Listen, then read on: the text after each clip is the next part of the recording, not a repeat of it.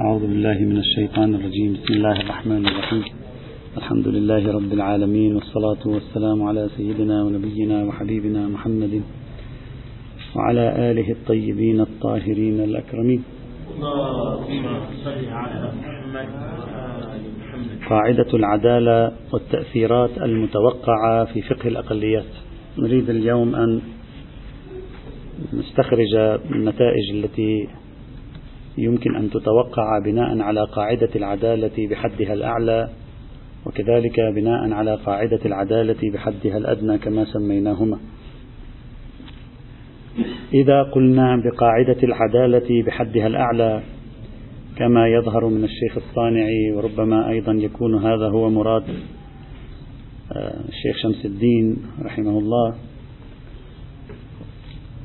من الواضح في مثل هذه الحالة أن هذه القاعدة تستطيع أن تؤسس لنا إمكانية منح الأقليات حقوقها السياسية. نريد أن ننزل الآن بحثناه على موضوع بحثنا.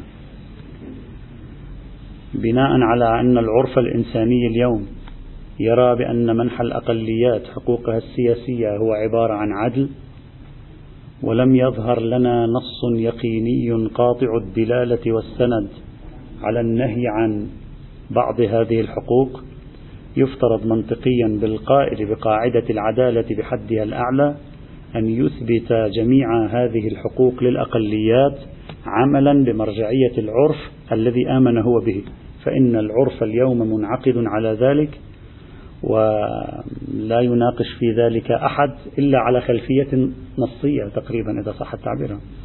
فقد يقولون العرف يقول بذلك وبالتالي علينا أن نعمل بتشخيص العرف والعرف يشخص أن هذا عبارة عن عدل ونحن مأمورون بالعدل فلا بد أن نعطي هذه الأقليات جميع الحقوق السياسية شرط أن لا تكون مضرة بالأكثرية يعني أن لا يكون من منحها أي حق ضرر بالآخرين مثل أي قاعدة في باب الحريات وباب الحقوق.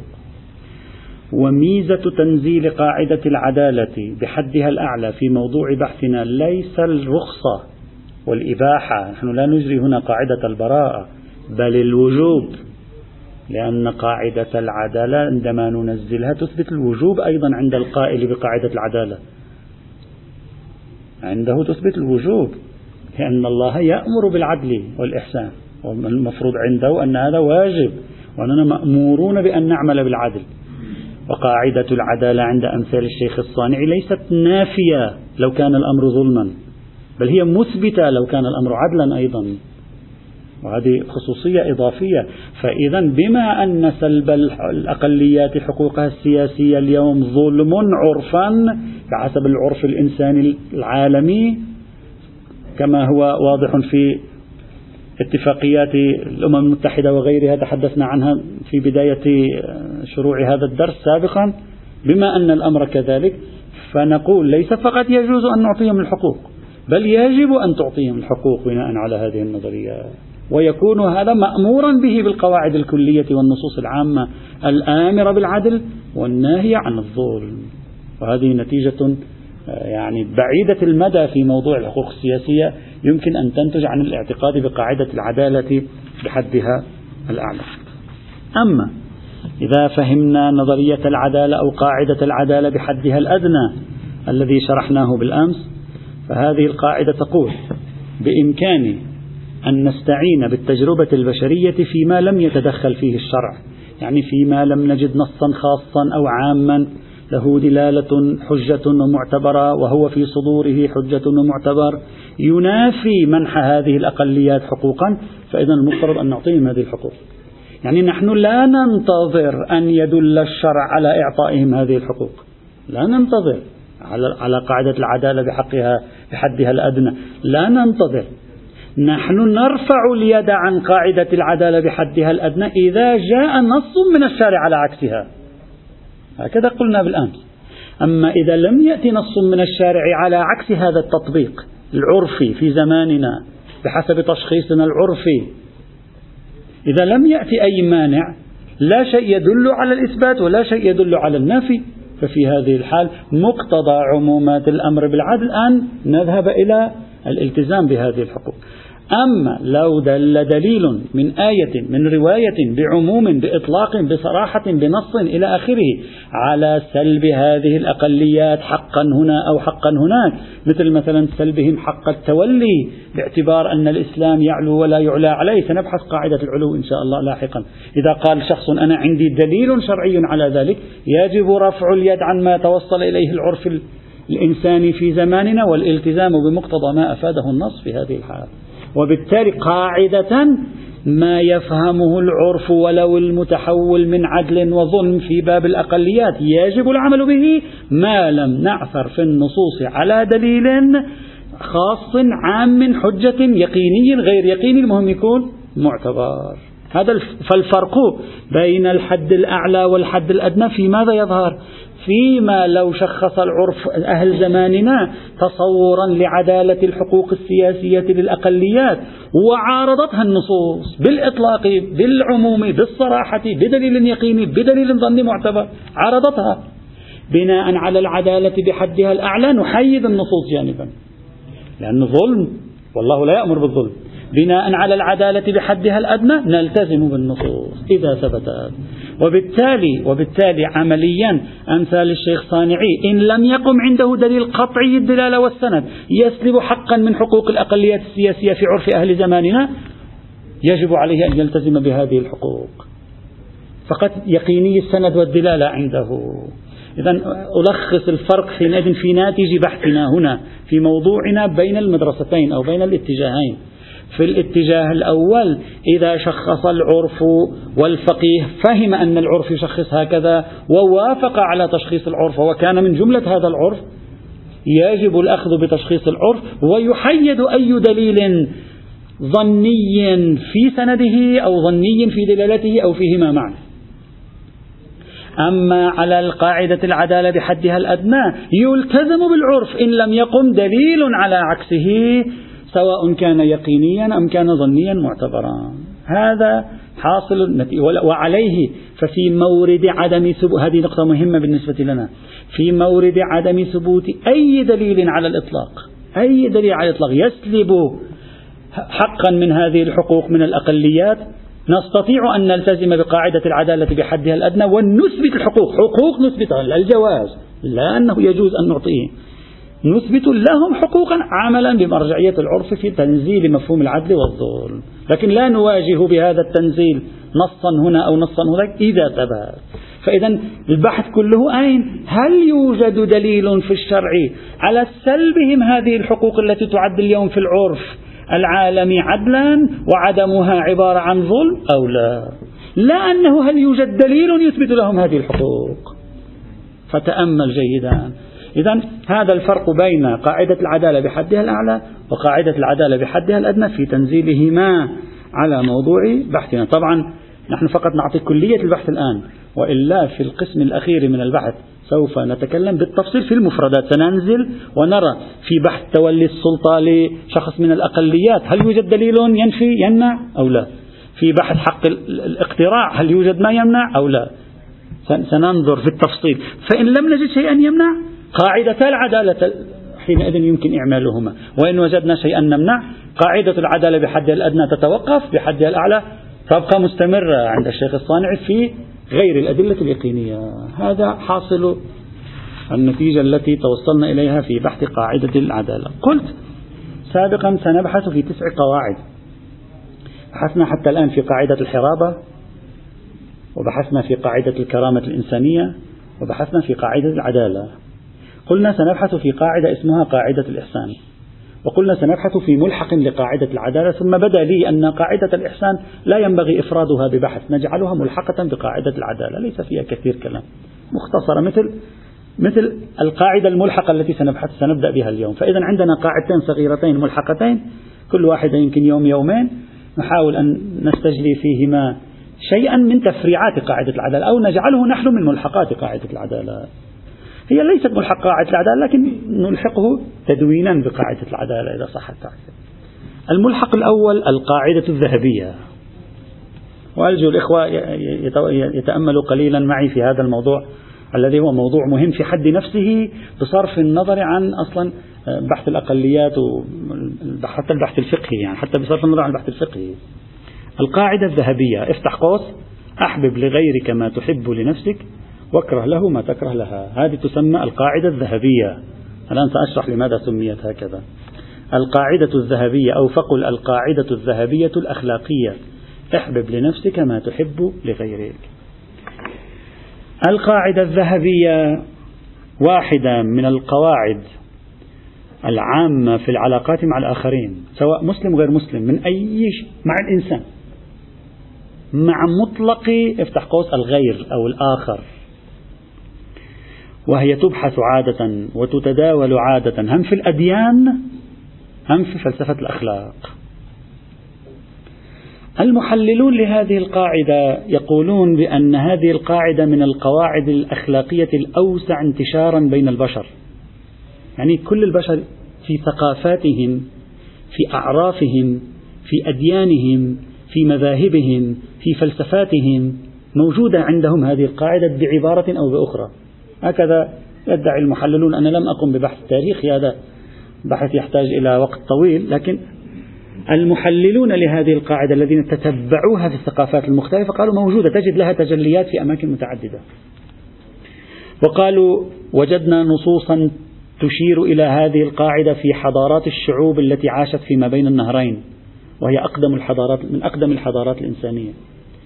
وقالوا وجدنا نصوصا لها في شعوب الصين القديمة. وجدنا نصوصا لها في الديانة البوذية الكونفوشيوسية الزردشتية وجدنا نصوصا لها في الأديان الإبراهيمية الثلاثة أو المسيحية الإسلام واليهودية. قالوا كلها وجدناها. وبشكل حتى يساوي هذه الفكرة في الفلسفة الحديثة يعني. حتى في الحضارات الحديثة مش نفس الشكل المساوي لها حسب ادعائهم. فضلا عن أن هذه الفكرة أيضا وجدناها في مصنفات كبار فلاسفة اليونان. فيقولون هذه الفكرة بحسب المراجعة التاريخية فكرة منتشرة بين الشعوب كل شعب يعبر عنها بطريقته كقاعدة أولية مبدئية أخلاقية. تصاغ هذه القاعدة بين الشعوب والأعراف والثقافات بصياغات متعددة كل شعب يعبر عنها بطريقته. كل شعب له صيغة. نحن مثلا في الأوساط ربما مثلا الشيعية أحبب لأخيك ما تحب لنفسك وأكره له ما تكره لها. عند المسيحية تجد تعبير آخر سنشير إليه قريبا. في, في أماكن أخرى تجد تعبير ثاني. لكن الفكرة واحدة بين الجميع. وغالبا ما تجد الفكرة متداولة بثلاث صيغ يعني روحها بثلاث صيغ أحبب لغيرك ما تحب لنفسك واكره له ما تكره لها. أو ما تقبله لنفسك فاقبله لغيرك وما لا تقبله لنفسك فلا تقبله له يعني للغير. أو تعامل مع, مع الآخرين بالطريقة التي لو كنت أنت مكانهم لأحببت أن يتعاملوا معك بها.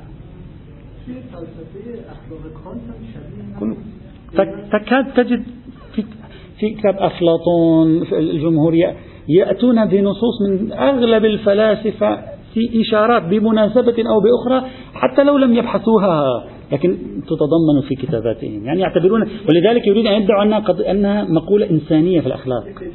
أحسن. هذا هو المدعى. هذه الصيغة أحبب لغيرك ما تحب لنفسك وأكره له ما تكره نفسه.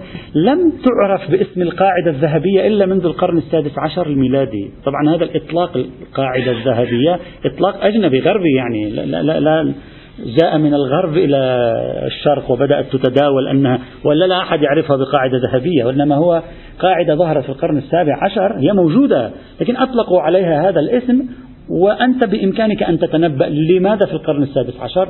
بدأت فكرة الإنسان محورية الإنسان احترام الإنسان فلذلك تجد أن هذه القاعدة الآن تستحضر ويسلط الضوء عليها وتصبح قاعدة ذهبية. لماذا؟ لأنها قاعدة تؤصل لعلاقات الإنسان مع أخيه الإنسان. وهو الموضوع الأكثر أهمية في القرن الخامس عشر السادس عشر السابع عشر إلى آخره إلى يومك هذا.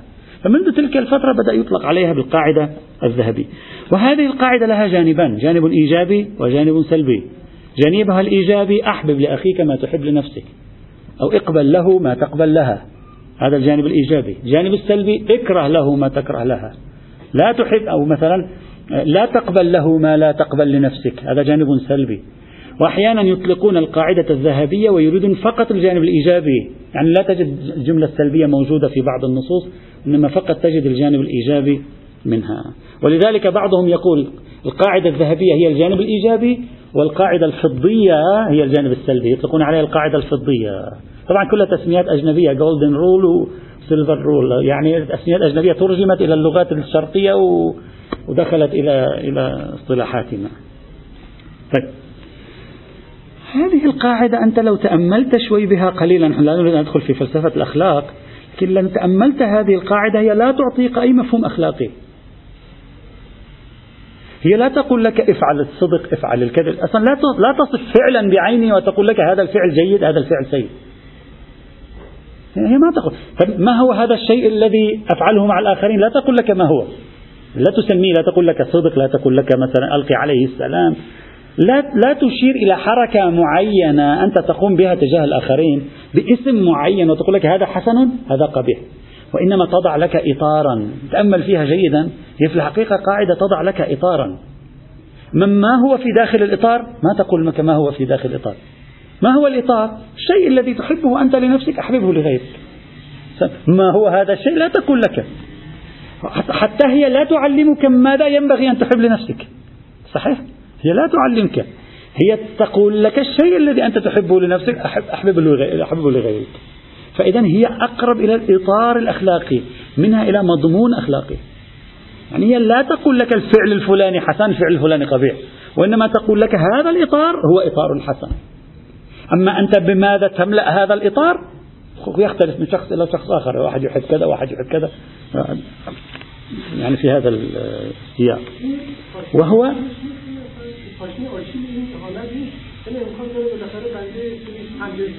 نعم نعم. يلا يلا نحن الآن سنشرح هذا هذه الفكرة لما نقول إطار معنى ذلك كأنما القاعدة تفترض تفترض أنا لاحظ معي جيدا. كأنما القاعدة تفترض أن الآخر يعني ما تحب أنت لنفسك يفترض أن يكون الآخر يحبه لنفسه. هكذا تفترض يعني كأننا يوجد مصادرة قبلية في داخل القاعدة أن الشيء الذي أنت تحبه لنفسك هو عمليا الآخر يحبه لنفسه. وإلا إذا الشيء الذي أنا أحبه لنفسي الآخر ربما لا يحبه لنفسه يكون فعلي مع الآخر ما أحب لنفسي عدوانا عليه. كأنما حتى القاعدة لا تصبح قاعدة غير أخلاقية. حتى تكون قاعدة أخلاقية لأن هذا إشكال سجل على القاعدة. ستأتي بعض الإشكالات عليها. لأن هذا إشكال سجل على حتى لا تبدو قاعدة أخلاقية نفترض مسبقا. وكأن القاعدة تسلم بالمصادرة. هل هذه المصادرة صحيحة أو لا؟ بعد آخر. تسلم بمصادرة أن الشيء الذي أنت تحبه لنفسك مفترض منطقيا أن الآخر يحبه لنفسه. إذا إذا أنت أحببته لنفسك فأحبه لغيرك. وبالتالي تصبح قاعدة أخلاقية. أما لو فرضنا أن الشيء الذي أنا أحبه لنفسي الآخر يكرهه لنفسه ستصبح القاعدة غير أخلاقية. افرض أن شخصا يحب لنفسه أن يموت. اليوم الانتحار صار له فلسفة تعرف بعد. تقرأ بعض المقالات في الانتحار تقول لا بأس وجهة نظر صار. الحقيقة ده يعني إذا الإخوة يراجعون بعض المقالات حول التبرير الأخلاقي لل... للانتحار الاحتكار قلت أنا للانتحار يقول هذا وجهة نظر صحيح يعني لا بأس بها. وإذا واحد طلع معاه أنه الأفضل لي أن أموت وأن أنتحر. هل هذا معناه أن أحب لغيري أن يموت؟ فإذا الطرف الآخر لا يحب أن يموت القاعدة تصبح غير أخلاقية. شخص يحب لنفسه أن يتناول المخدرات. يعني هل هذا معناه أننا نشجعه على أن يحب للآخرين فعل ذلك؟ ويفعل مع الآخرين إذا القاعدة تبدو في مكان معين يوجد فيها علامة استفهام. الآن هذه القاعدة موجودة في النصوص عندنا. الآن بعد شوي شوف هذه يمكن حلحلة هذه الأسئلة. وبالتالي هل هذه القاعدة مبنية على قاعدة مسبقة على مصادرة مسبقة؟ حتى لا نقع أمام مشكلة أخلاقية. المفروض أنها قاعدة ذهبية أخلاقية. وإذ بها الآن سوف تنتج لنا قاعدة غير أخلاقية. الآن سوف نتأمل في هذا الموضوع. بل قد تواجهنا مشكلة أخرى في هذه القاعدة. الآن فقط أقول هذه حتى نحن نقرأ القاعدة وأدلة القاعدة نفكر في حلحلة.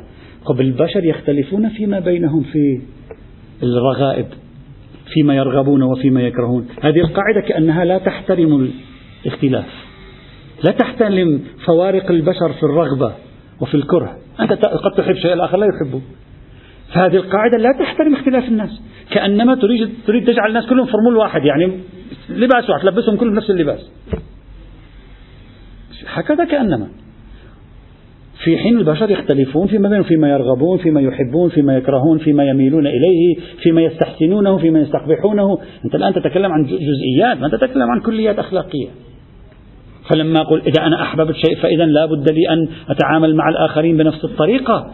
إذا أنا كنت أحب الآخرين يتعاملوا معي بنفس الطريقة يمكن أنا إذا تعاملت بنفس الطريقة معهم لا يحبونها لا يحبونها إذا أيضا في مشكلة فلسفية في بنية هذه القاعدة أنها لا تحترم الفوارق وكأنها غير ملتفتة للفوارق. إذا خلي هذين السؤالين في ذهنك. هل هذه القاعدة قد تتحول إلى قاعدة غير أخلاقية؟ مع أنها قاعدة أخلاقية واضحة ممتازة. وهل هذه القاعدة تنبني على رؤية إنسانية خاطئة وهي عدم احترام الفوارق بين البشر؟ في الميول في الرغبات إلى آخره أو لا؟ خلي هذا السؤال في أو الفكرة في ذهننا بعد يعني السؤالين طرحتهما الآن حتى ونحن نسير مع القاعدة بعدين نحاول أن نستجلي الجواب عن مثل هذه الأسئلة التي قد توجه لهذه القاعدة. الشكل المحتمل لصياغة هذه القاعدة أو لتفسير هذه القاعدة أن نقول إن ما تحب لنفسك بصرف النظر عن تقديمه من قبل الآخرين لك أحببه للآخرين. ما معنى هذه إذا أخذت هذه الجملة هذه الجملة كلية أكثر. لماذا؟ أحب لنفسي أن أكون عالما فأحب للآخرين أن يكونوا علماء ما في سلوك متقابل هنا. هم ما فعلوا معي شيء وأنا ما فعلت شيء. أنا عم أتعلم.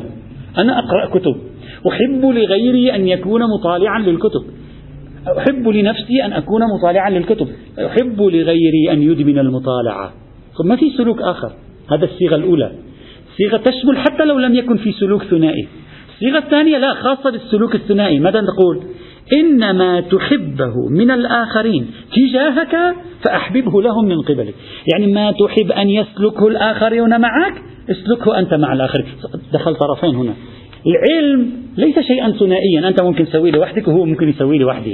لكن لما نقول ما تحب أن يفعله الآخرون معك افعله أنت مع الآخرين. لا صار, صار الشيء الذي أنا أحبه للآخرين هو عبارة عن سلوك يمكن أن يفعله الآخرون تجاهي. وبالتالي تحتمل القاعدة أكثر من شكل إذا أردنا أن نتصور. هذا تمهيد بسيط في هذه القاعدة. قبل أن أبدأ باستنطاق النصوص القرآنية والحديثية التي قد تدل على قاعدة من هذا النوع لنرى حدودها ومعناها وبالتالي هل يمكن بعد ذلك أن نستفيد منها في موضوع بحثنا أو لا؟ كقيمة أخلاقية عليا لكي دائما المقارنات تجلي الفكرة أمام ذهننا. المقارنات تسوي جلاء كبير للفكرة. إذا الآن قرأت النصوص القرآنية والحديثية ستفهم شيئا.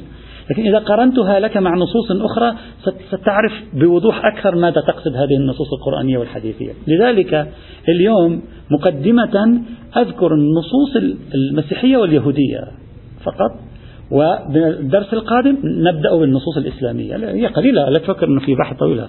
قليلة يعني. نصوص بسيطة لنرى كيف أن المقارنة ستبدأ تظهر معك وتعرف حدود القاعدة في النص الإسلامي وحدود القاعدة في النص المسيحي واليهودي. أبدأ أولا بالعهد القديم والآن سنجد نصوص جميلة. أبدأ أولا بالعهد القديم الذي يمثل المسيحيين واليهود معا ثم نثني بالعهد الجديد. في العهد القديم يوجد نصان فقط يشيران للقاعدة. النص الأول وهو الذي ورد في سفر الخروج في الإصحاح الثاني والعشرين من الآية 21 إلى الآية 24 قال ولا تضطهد الغريبة شخص غريب يعني أتباع خارجية بالفارسي. شخص أجنبي داخل إلى وطنك ولا تضطهد الغريبة ولا تضايقه. الآن انظر إلى التعليل.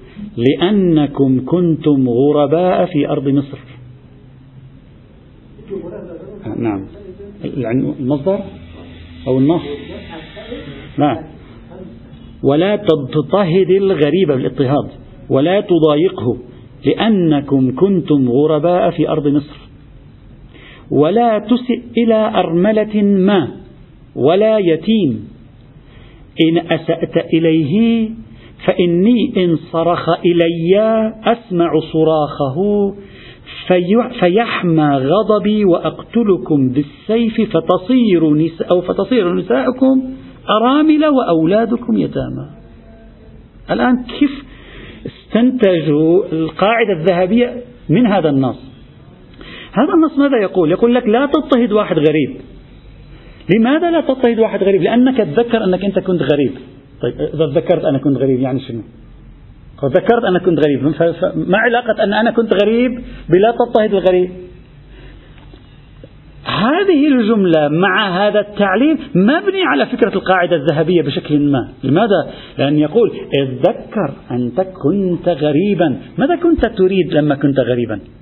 ماذا كنت تحب لما كنت غريبا؟ ماذا كنت ترى أنه عادل في حقك لما كنت غريبا؟ أن لا يضطهدك أصحاب الوطن. إذا لا تضطهد الآخرين. الغرباء عندك.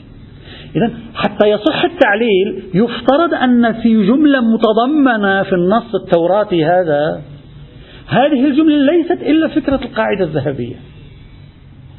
لا تضطهد الغريب لا تضايقه فأنت كنت غريبا أنا كنت غريب. يعني شيء يعني أنت كنت غريبا. معنى ذلك كنت ترى أن الأفضل أن يصار معك إلى عدم الاضطهاد والمضايقة. إذا فلا تضطهد الغريب من غيرك ولا تضايقه. القاعدة الذهبية الآن ظهرت ولكن ظهرت خلف ستار. يعني احتجنا شوي إلى حفر حتى نستخرج القاعدة. لاحظ المقطع الثاني أيضا يساعد يقول له ولا تقم بالإساءة إلى أرملة ولا إلى يتيم. لماذا؟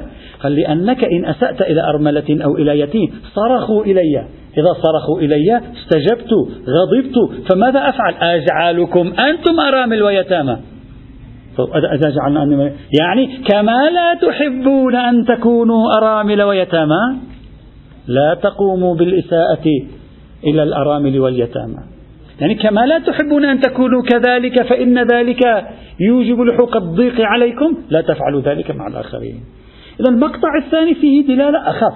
المقطع الأول فيه دلالة أوضح. لكن في المقطعين معا تحتاج إلى تحليل حتى تصل. ما في نص مباشر. هذا النص الأول. النص الثاني قوله شنو قوله تعالى؟ الذي جاء في سفر الخروج أيضا في الإصحاح الثالث والعشرين الآية التاسعة قال ولا تضايق الغريب. فإنكم عارفون نفس الغريب. أنتم تعرفون من هو الغريب. أنتم عشتم الغربة. لا تضايق الغريب. فإنكم عارفون نفس الغريب لأنكم كنتم غرباء في أرض مصر. نفس المقاربة التي قلناها في في الآية الأولى يمكن أيضا بعينها أن نقول هنا من عملية التعليل فنستنتج أن فكرة قاعدة القاعدة الذهبية متضمنة في النص التوراتي واللطيف أن هذا النص التوراتي الأول والثاني ليس فيه إشارة لا إلى لون الغريب ولا إلى لغته ولا إلى قوميته ولا إلى عرقيته ولا إلى دينه ولا إلى أي شيء. بكل أشكال الغرباء عليك أن تتعامل معهم هكذا. لماذا؟ لأن القاعدة المستبطنة تقول لك عليك أن تتعامل معه. وهذه القاعدة إذا صحت تصح في سائر الأمكنة. هذا فيما يتعلق بالنص التوراتي الأشهر والأهم فيما يخص القاعدة الذهبية. إذا القاعدة الذهبية في النص التوراتي غير واضحة تحتاج إلى شيء من الانتزاع. لكن إذا تركنا النص التوراتي وجئنا إلى النص الإنجيلي إلى العهد القديم نجد وضوح عجيب غريب نص مدهش حقيقة. أنا سأقرأ لكم نصوص مدهشة يعني إذا واحد فعلا لا يكون عنده أي حساسية من من النص ولا يشغل عقله بعمليات نقد فعلا ممكن أن تقشعر له الأبدان من شدة القوة الإنسانية الموجودة في هذا النص الذي النصوص التي سنقرأها الآن. في النص الإنجيلي الأمر واضح جدا. في التعامل مع الآخرين كما تحب أن يعاملوك. نقرأ في النص الإنجيلي نصين عمدة وهما النص الأول ما جاء في إنجيل متى؟ في الإصحاح السابع الآية الثانية عشرة. يقول النصين واضحين الآن سياق هذا النص سياق النص الثاني سوف يكون مدهشا. النص الأول فكل ما تريدون أن يفعل الناس بكم افعلوا هكذا أنتم أيضا بهم. آه موجبة كلية. واضحة مباشرة تعلن القاعدة الذهبية. ما تحتاج أن تستنطقها من بين الأسطر ومن بين الكلمات مباشرة. فكل ما تريدون أن يفعل الناس لا أن يفعل المؤمنون لا أن يفعل المسيحيون لا أن يفعل الذين هم معكم في الإيمان الناس.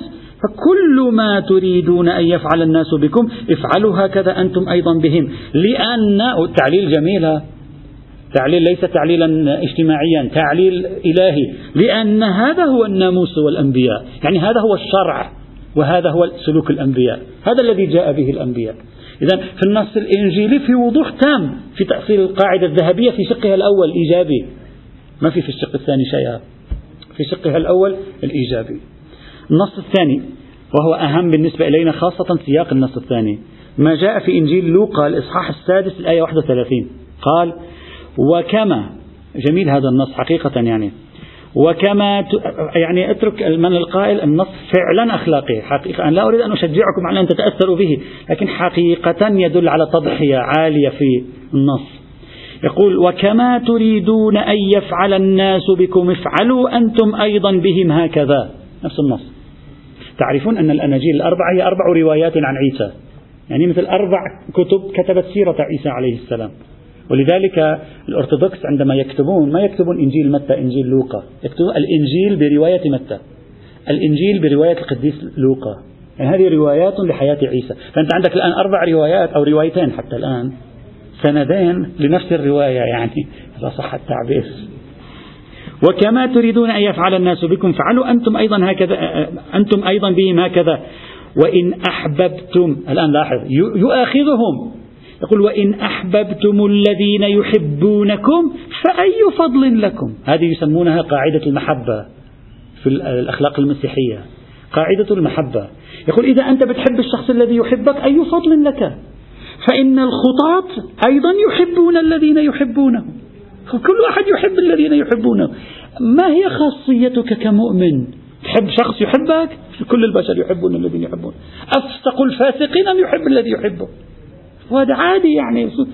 ماذا تريد أن تقول لي؟ أنك عندك امتياز أنك تحب الذين يحبون. لا حبيبنا هذا ليس امتيازا. وين امتيازي؟ أن تحب الذي لا يحبك. وهذا هو معنى تلاحم قاعدة القاعدة الذهبية مع قاعدة المحبة. يعني القاعدة الذهبية تقول لك افعل ما تحب أن يفعله الآخرون معك. وتترقى قاعدة المحبة. نقول ليس فقط افعل ما تحب الذي يفعل. حتى لو أن الآخرون فعلوا معك سيئا أيضا أحبب لهم ما تحب لنفسك. يعني تعامل مع من أخطأ معك بنفس الطريقة التي تعامل تتعامل فيها مع من أحب. وهذا قمة في الأخلاق التضحية. يعني حقيقة هذا فناء نكران للذات. فإذا هذا الدمج بين القاعدة الذهبية في هذا النص الإنجيلي نص لوقا. وما بين قاعدة المحبة يعطي أجلى نص في اترك الإسلام الآن في الكتاب المقدس لفكرة القاعدة الذهبية. وبالتالي كل شيء تحبه أنت لنفسك أحبه للآخرين. إذا الدلالات واضحة الدلالات واسعة. هذه القاعدة قاعدة المحبة لو تأملت أنت بها الآن ماذا ماذا تعني؟ تعني كأنما تتنكر لقاعدة المعاملة بالمثل. الآن فكر فيها جيدا شيخنا. هذه القاعدة كأنما تريد أن تقول لك أيها المؤمن قاعدة المعاملة بالمثل خليها جانبا. القرآن ما قال خليها جانبا. بعدين أنا سأجري مقارنات. القرآن ما قال خلي وإن عاقبتم فعاقبوا بمثل ما عوقبتم به ولئن صبرتم إلى آخره. بعدين يجي كذا افعل وأن تعفو أقرب للتقوى. القرآن ما يقول لك هذا هو الذي ينبغي أن تفعله وإلا ليس لك فضل. يقول لك لا هذا حق لك. يعلن أنه حق لك. لكنه في نفس الوقت يقول لك وإن ذهبت إلى قاعدة المحبة فهو أفضل. سأجري فيما بعد مقارنة في هذا. هذا النص الإنجيلي واضح أن يرفض كأنما يرفض قاعدة المعاملة بالمثل. لا تعامل الناس بالمثل. تريد أن تكون مؤمنا أصلا لا تعامل الناس بالمثل. بل أنت لاحظ السياق السياق هو الأشد دهشة هنا. في رفض قاعدة المعاملة بالمثل. واللي نحن المسلمين عادة نسخر على المسيحيين فيه. كل واحد ضربك على خدك الأيمن در له الخد الأيسر. نقول هذا هذا هذا هذا أخلاق هذه هذه مسخرة. مسخرة نحن عادة بها. الآن هم يريد أن يقول لا يريد أن يقول ليس لك حق فيه. يريد أن يقول ميزتك الإضافية في الإيمان أن تكون مضحية. الآن نشوف النص. هلا بعدين أنت تنقده أخلاقيا لا تنقده أخلاقيا بحث آخر. لكن لاحظ السياق الذي سيفهمنا القاعدة الذهبية في هذا النص. يقول لكني أقول لكم أيها السامعون أحبوا أعداءكم أحسنوا إلى مبغضيكم باركوا لاعنيكم وصلوا لأجل الذين يسيئون إليكم. من ضربك على خدك فاعرض له الآخر أيضا. هذه الجملة المشهورة التي تنقل عن المسيحية. فاعرض له الآخر. ومن أخذ رداءك فلا تمنعه ثوبك أيضا. أخذ رداءك. أعطيه إذا احتاج أعطيه. وكل من سألك فأعطه ومن أخذ الذي لك فلا تطالبه. وكما تريدون إذا النص الآن وكما تريدون أن يفعل الناس بكم افعلوا أنتم أيضا بهم ذلك. هكذا. وإن أحببتم الذين يحبونكم فأي فضل لكم؟ فإن الخطاة أيضا يحبون الذين يحبونهم. وإذا أحسنتم إلى الذين يحسنون إليكم فأي فضل لكم؟ فإن الخطاة أيضا يفعلون هكذا. يعني رفض واضح لقاعدة المعاملة بالمثل وإن أقرضتم الذين تس... الذين ترجون أن تستردوا منهم فأي فضل لكم أعطيت قرض لواحد وأنت ترجو أن يرجعه إليك وتتوقع أن يرجعه إليك ما الخصوصية؟ كل الناس تعطي هذا القرض. فإن الخطاة أيضا يقرضون الخطاة لكي يستردوا منهم المثل. بل أحبوا أعداءكم وأحسنوا وأقرضوا وأنتم لا ترجون شيئا. فيكون أجركم أعظم عظيما. وتكونوا بني العلي. بني العلي يعني أبناء الله. لماذا بني العلي؟ يعني متشبهون به. نسخة عنه. ليش نسخة عنه؟ فإنه منعم على غير الشاكرين والأشرار. هو الله هذه سياسته في الخلق. سينعم على الذين هم أشرار وناكرون له ولا يشكرونه وهو يعطيهم. ما زال يعطيهم. وأنت ممكون تجليا له. تبارك وتعالى. فكونوا رحماء كما أن أباكم أيضا رحيم. ولا تدينوا إلى آخر الكلام. إذا واضح الآن إذا أردنا أن نجري مقارنة النص التوراتي النص اليهودي نص يدل على القاعدة لكن بخجل خلينا نقول. بخجل. ليس في وضوح الصورة. لكن النص الإنجيلي خاصة إنجيل لوقا يدل على القاعدة بوضوح تام ويترقى أكثر إلى قاعدة أخرى وهي قاعدة المحبة. الآن النص الإسلامي. هل النص الإسلامي يوافق على هذه القاعدة؟ هل يوافق على سعة هذه القاعدة؟ ما هو موقفه من قاعدة المحبة؟ هل يقيد هذه القاعدة؟ هذا الذي سنبحثه إن شاء الله تعالى يوم السبت. والحمد لله رب العالمين.